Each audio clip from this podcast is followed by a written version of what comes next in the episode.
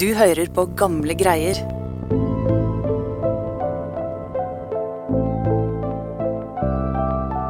På 1700-tallet havnet en ung nordmann i en helt utrolig situasjon. Bergenseren Hans ble nemlig tatt som slave av en prins i Tunis. Prinsen likte nordmannen så godt at det utviklet seg et slags vennskap mellom dem. Men hjemlengselen gnagde, og Hans måtte balansere på en knivsegg for å vinne friheten tilbake. For trådte han feil, kunne prisen å betale være døden.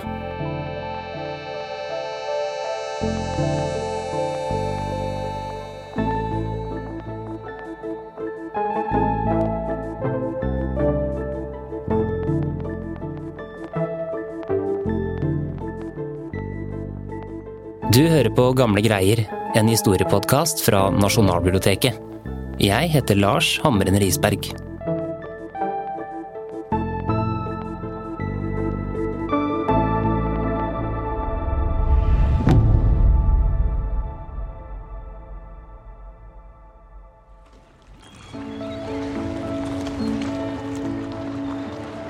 Langs Bryggen i Bergen, der hvor store handelsskip med høye master lå til kai, så spaserte det en gang en ung mann som drasset med seg bagasjen sin mot et av skipene. Det var en tidlig vårdag i 1747, og den unge mannen, som het Hans Jokum Skram, han hadde akkurat sagt ha det til foreldrene sine og søsknene sine for å legge ut på sitt livs reise. Live Fele Nilsen, historiker og journalist på Nasjonalbiblioteket. Hans var nok ganske spent der han gikk bortover brygga.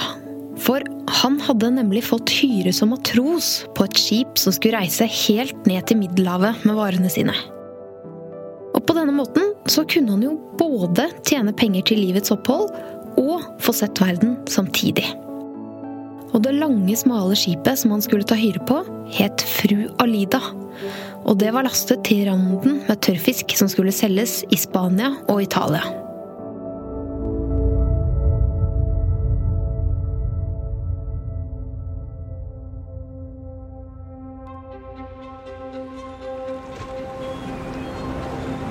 Fru Alida kasta loss, og bak seg kunne mannskapet se Bergen by bli mindre og mindre.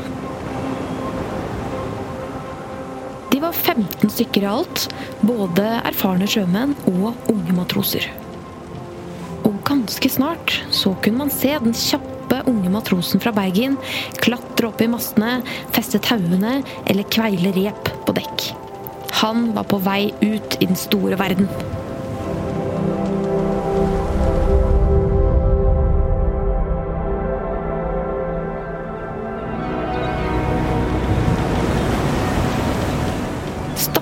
Tørrfisk beveget skipet seg lenger og lenger sørover. Hans og de andre farta rundt mellom byene i Spania og Italia. Dette her må ha vært veldig spennende for en ung fyr som knapt hadde sett noe annet enn Bergen. Ja. Og selv om han måtte jobbe mye, så var nok dette også en skikkelig spennende måte å få se verden på.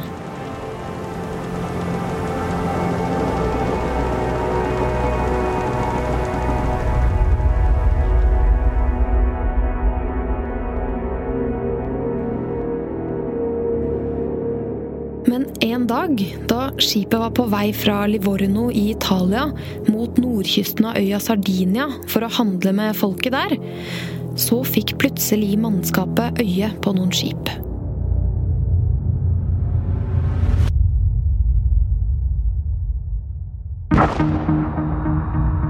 En kule suste forbi skipet fra Bergen og landet i vannet. Og nå kunne de se hva slags flagg det var som ble heist opp i masta der framme. Det var flagget til den nordafrikanske staten Tunis. Plutselig haglet kulene over hodet på dem, så de måtte krøke seg ned bak ripa for å ikke bli truffet. Og Hans befant seg nå midt i et livsfarlig skytedrama.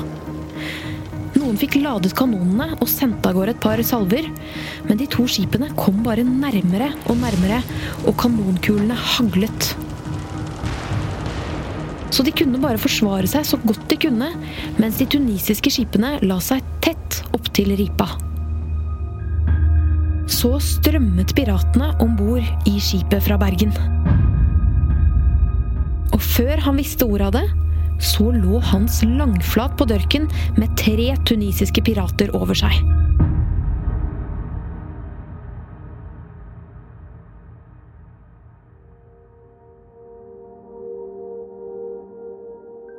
Vi ble alle, unntatt kapteinen, avkledd så nakne som et menneske er kommet til verden, og det med sådan iver at jeg hadde tre personer om meg på én gang som ville ha hver sitt og ikke ventet på hverandre.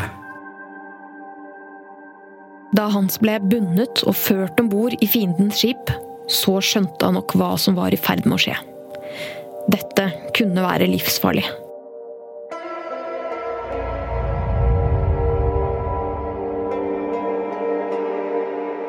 Middelhavet det fungerte egentlig som et slags skille mellom to forskjellige verdener. På nordsida så hadde du den kristne europeiske verden, mens på sørsida så var det den muslimske verden, med det osmanske rikets nordafrikanske provinser. Marokko, Algerie, Tripolis og Tunis. Og disse to verdenene, de var hele tiden i konflikt. Pga. denne konflikten så sa herskerne i disse nordafrikanske statene til sjømennene sine at det er bare å plyndre og kapre så mye dere vil, så lenge det er fiendens skip. Da er det fritt fram, og hvis dere tar noen kristne til fange på et sånt fiendtlig skip, så er de krigsfanger som kan tas med tilbake som slaver.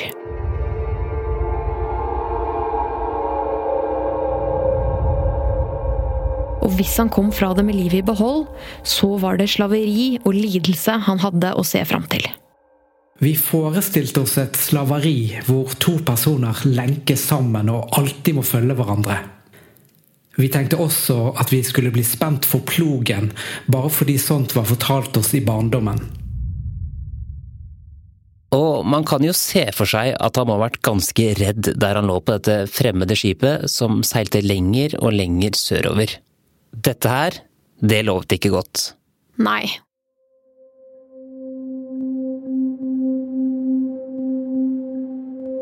Og den frykten den ble nok ikke noe mindre da han omsider så land.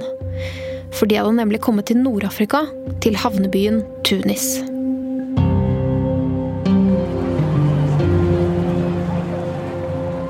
Inne i havna så kom folk strømmende ned til kaia da de så skipene. De ropte og hoiet i triumf, mens Hans og de andre ble ført i land og marsjert gjennom byen. Ungdommer pisket etter føttene deres, og fremmede skjellsord haglet rundt dem. Turen gikk videre inn i landet, og til slutt ble de møtt av et ganske så skremmende syn. En høy bymur gjennomhullet med skyteskår, godt bevoktet av soldater. Hele veien langs muren gikk en dyp og bred sandgrav, og den eneste veien over var en vindebro som ble senket ned foran dem da de nærmet seg porten. Over vindebroen og gjennom porten bar det, og gjennom enda en port i en enda høyere mur, før de så en liten by åpne seg foran dem.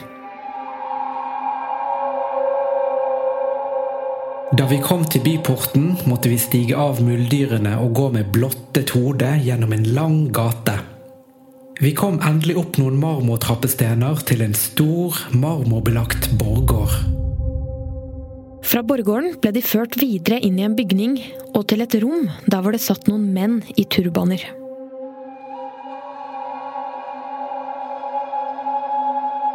Og Hans han skjønte nok at disse folka her, det måtte være noen veldig viktige og mektige menn. For de hadde så flotte klær i stoffer som bare de aller rikeste hadde råd til. Det var gulltråder i turbanene, og pistolene som hang fra beltene deres, var pyntet med edelsteiner. Og ikke bare hadde de pistoler. Fra beltene hang også noen ganske fryktinngytende sabler.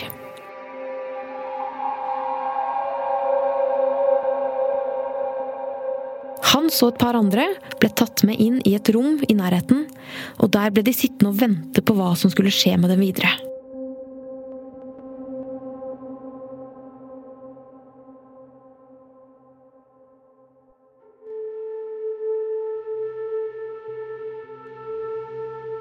Men da det endelig kom noen tjenere inn, så var det ikke lenker de hadde med seg. Det var noe helt annet.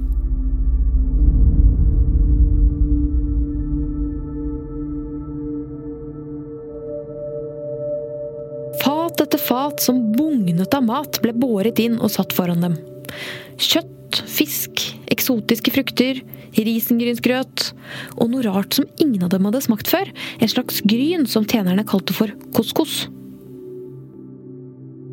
Dette her var jo nesten for godt til å være sant. Ja, og da han hadde spist seg mett, så ble han tatt med opp i etasjene til en slags sovesal, og en av tjenerne pekte ut der han skulle sove for natten.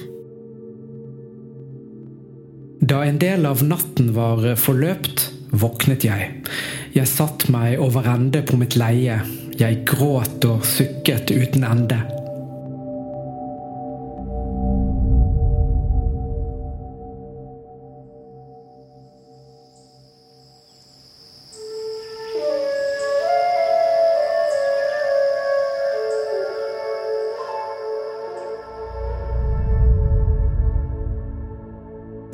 Våkna neste dag, så fikk han se at han ikke var den eneste unge mannen der. Og da han hadde kledd på seg og så ned på antrekket sitt, så så han at det var silke og gulltråd på knappene på trøya. Så fine klær hadde han nok aldri hatt på seg før. Han gikk litt rundt og så seg om, og det han fikk se, det lignet ikke på noe han hadde sett før.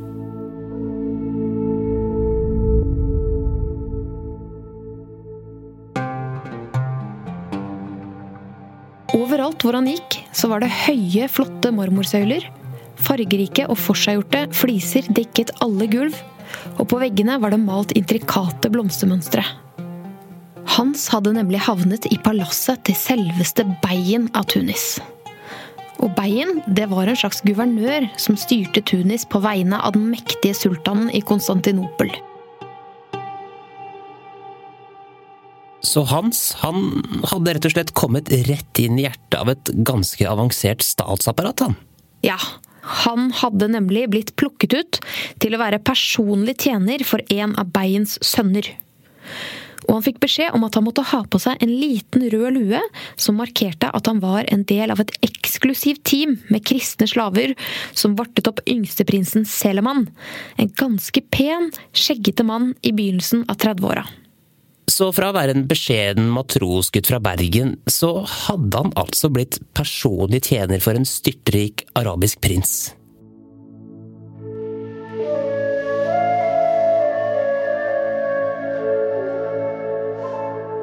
De kommende dagene til Hans gikk med på å varte opp prinsen, og ellers bare henge rundt og stå til tjeneste hvis det skulle være nødvendig. Jeg hadde ikke noe spesielt å utrette. Jeg sto kun ved de andre til tjeneste, og for å jage fluene bort med en svøpe av røde og hvite hestehår som var innsatt i et elfenbenskaft. Eller å stå med vann i en porselenskål som herren drakk av til maten.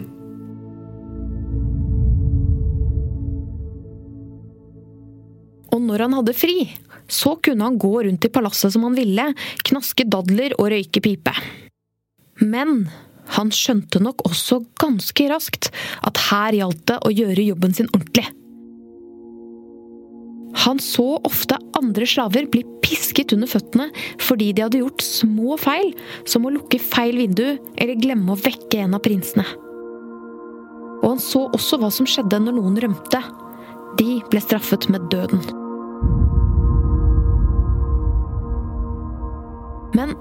Etter ha vært i palasset en stund, så skjønte han at denne yngste prinsen, Seleman, han var en ganske annen type enn den strenge faren og brødrene sine.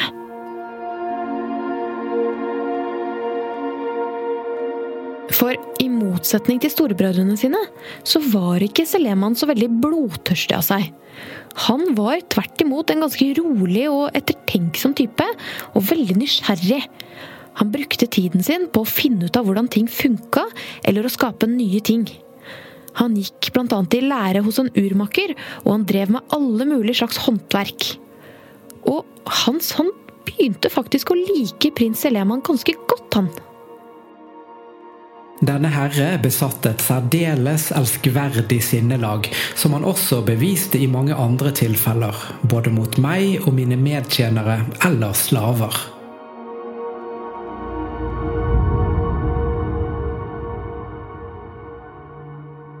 Prinsen, hvordan var hans forhold til norske Ole? Han likte Hans faktisk så godt at i motsetning til de andre slavene, så slapp han straff hvis han gjorde noe feil. Og ikke nok med at han slapp pisken. Etter hvert så ble han også forfremmet til den nest høyeste posisjonen han kunne få ved hoffet. Og så kom han jo veldig tett på Seleman, da. Han var med han overalt. Når prinsen red ut på jakt, så satt Hans på mulderet sitt ved siden av. Til og med når prinsen besøkte morens grav, så var nordmannen med. Og de snakket jo mye sammen. Og sakte, men sikkert så begynte det å utvikle seg det man kanskje kan kalle et slags vennskap mellom dem.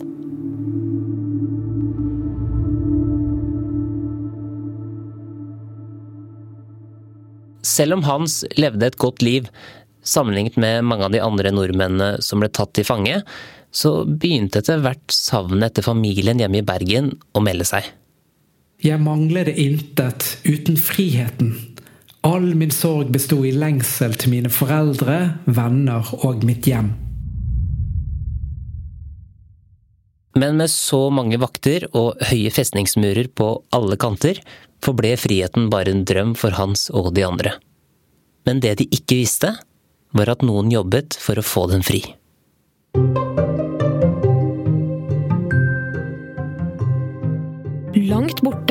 I København, så satt det noen menn inne på et kontor. Og disse hadde en helt spesiell jobb. De jobbet nemlig for den dansk-norske slavekassen. Og i nesten 50 år så hadde de jobbet for å kjøpe fri norske og danske sjømenn fra et slaveliv i Nord-Afrika. Men de siste årene så hadde det ikke vært så veldig mye å gjøre. Og det var nok kanskje litt sånn beina på bordet-stemning på kontoret. Ganske avslappa. Men en kald januardag så kom det en beskjed som fikk dem til å sette seg opp i stolen. Et norsk skip som het Fru Alida, hadde blitt kapret utenfor Sardinia av tunisiske pirater. Og kontoret slo alarm, både hos konge og regjering, og sendte et brev til myndighetene i Bergen, der de ba om å få utlevert en liste over hvem som hadde vært på det kaprede skipet. Denne listen ble sendt til et mektig handelshus i Amsterdam, som hadde agenter rundt omkring i verden som kunne ordne med sånne ting.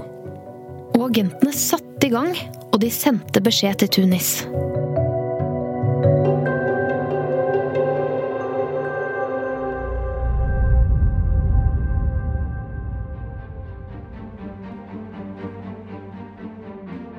Og en dag så fikk Hans høre at det var kommet nyheter helt fra København.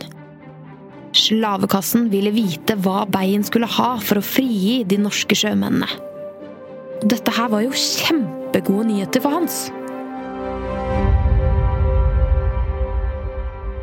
Hans visste jo at prins Suleiman hadde sansen for han, og det kunne jo være en stor fordel.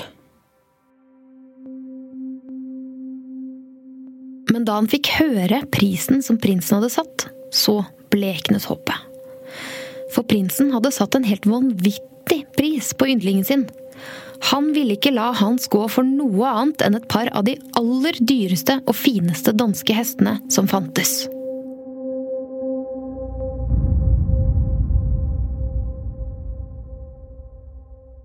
Og i mellomtiden så hadde han jo ikke noe annet valg da, enn å fortsette å adlyde prinsen og gjøre jobben sin så godt han kunne, og prøve å fortsette å være på godsida. Mens han ventet på svaret fra slavekassen.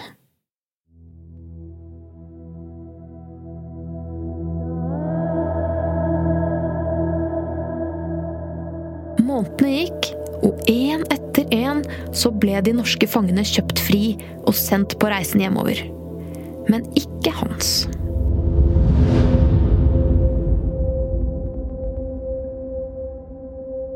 Det hadde gått to år siden han kom, og det var bare han og fire andre norske som også var hoffslaver, igjen. Hans forsto at slavekassen ikke kom til å bli hans redning. Ja.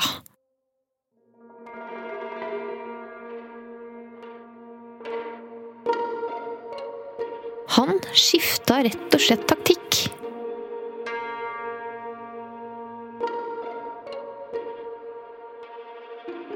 Hans fortsatte å gjøre jobben sin så godt han kunne, men hver gang de to var sammen, så passet han på å se akkurat så ensom og miserabel ut som han sikkert følte seg. For Hans han visste jo at prinsens svake punkt var at han var softere enn resten av familien. Og han håpet at hvis han kunne gi prinsen skikkelig dårlig samvittighet, så kunne kanskje dette asymmetriske vennskapet komme til hans fordel likevel. Så han prøvde rett og slett å guilt-trippe prins Seleman. Han unte meg gjerne friheten, men der hos ikke kunne finne seg i å gi meg den. Jeg var på samme tid meget bedrøvet og melankolsk.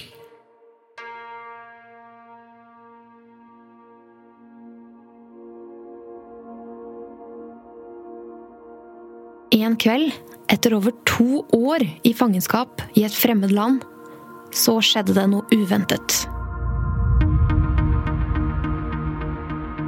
Han satt for seg selv og røykte en pipe tobakk på hofftjenernes soverom da en tjener kom inn og sa at prinsen ville snakke med han.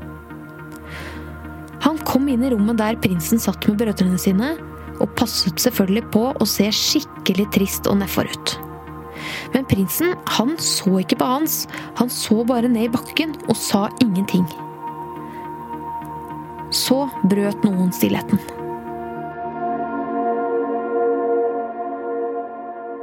Hans broder Mehammed tok endelig ordet og sa til meg, Takk din Herre som nå gir deg din frihet.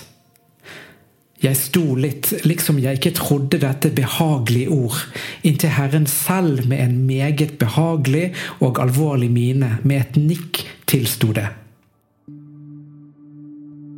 Hans kastet seg framover for å kysse Herrens fot, sånn som tjenere og slaver gjorde når de skulle takke Herren sin. Men idet han gjorde det, så trakk prinsen til seg foten. Og rakk ut hånden sin i stedet.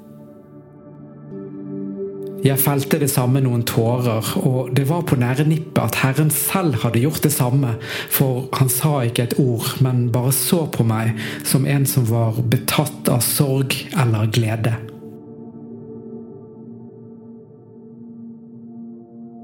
Nå kunne Hans endelig reise hjem. Ja, endelig.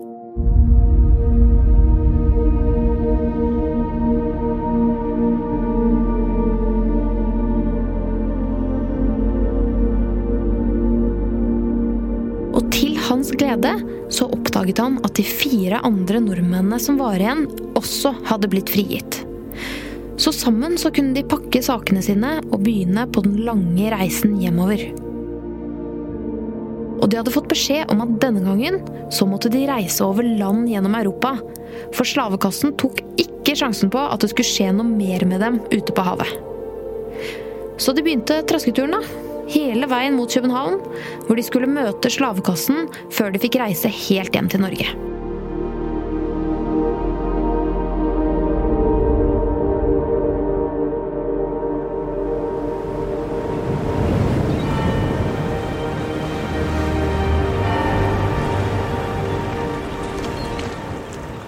En maidag i 1750 kom et skip til kai i Bergen. Og Hans kunne endelig sette føttene i sin elskede fødeby. Han gikk gjennom de kjente og kjære gatene mot hjemmet som han husket fra før han dro ut på dette vanvittige eventyret.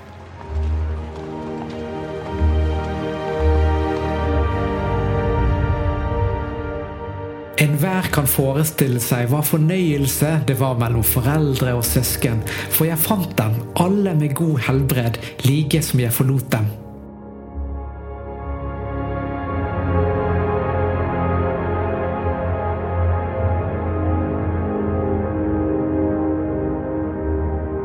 Et halvt år etter at Hans kom hjem, inngikk Danmark-Norge en fredstraktat med Tunis. Avtalen førte til at dansker og nordmenn ikke lenger kunne bli tatt som slaver. Det var slutten på dansk-norske slaver i de nordafrikanske statene, og slavekassen, som ikke trengtes lenger, den ble lagt ned. Men slaveriets historie var ikke ferdig for kongeriket Danmark-Norge. Dansker og nordmenn fortsatte å kjøpe, selge og utnytte afrikanere i slaveri i mange år til.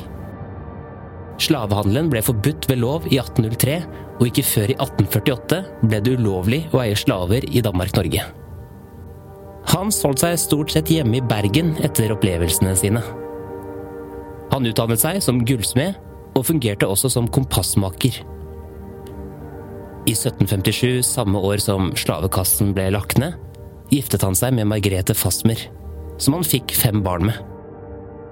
Og mange år senere, da han var en godt voksen mann, skrev han ned hele fortellingen om den elleville reisen han hadde vært med på.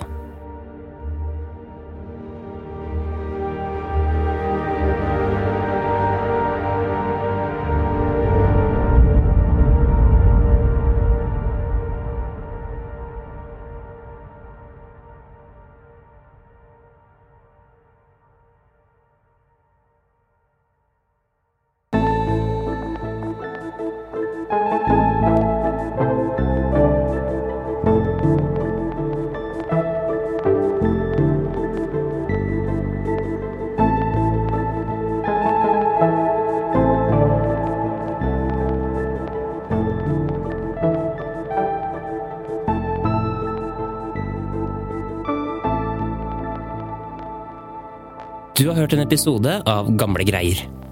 Sitatene i denne episoden er moderniserte. Episoden er laget av Live Fele Nilsen, Dang Trind og meg, Lars Hamren Risberg. Kilder til episoden var Hans Jokum Skrams egen beretning, utgitt i Bergen i 1791. Torbjørn Ødegårds bok 'Jeg manglede intet uten friheten', utgitt i 2012. Den patriotiske tilskuer fra 1761 Danmarks og Norges geistlige og verdslige stat, skrevet av Ludvig Holberg, utgitt i 1749. Kjernen av geografien av Gottlief Werner, utgitt i 1753. Og en kort beretning om de tyrkiske sjørøvernes onde medfart og omgang da de kom til Island i året 1627, av Olafur Eggelsson, utgitt i 1741.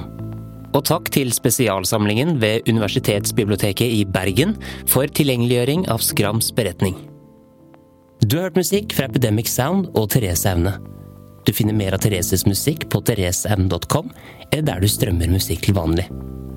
Mitt navn er Lars Hammeren Risberg. På gjenhør.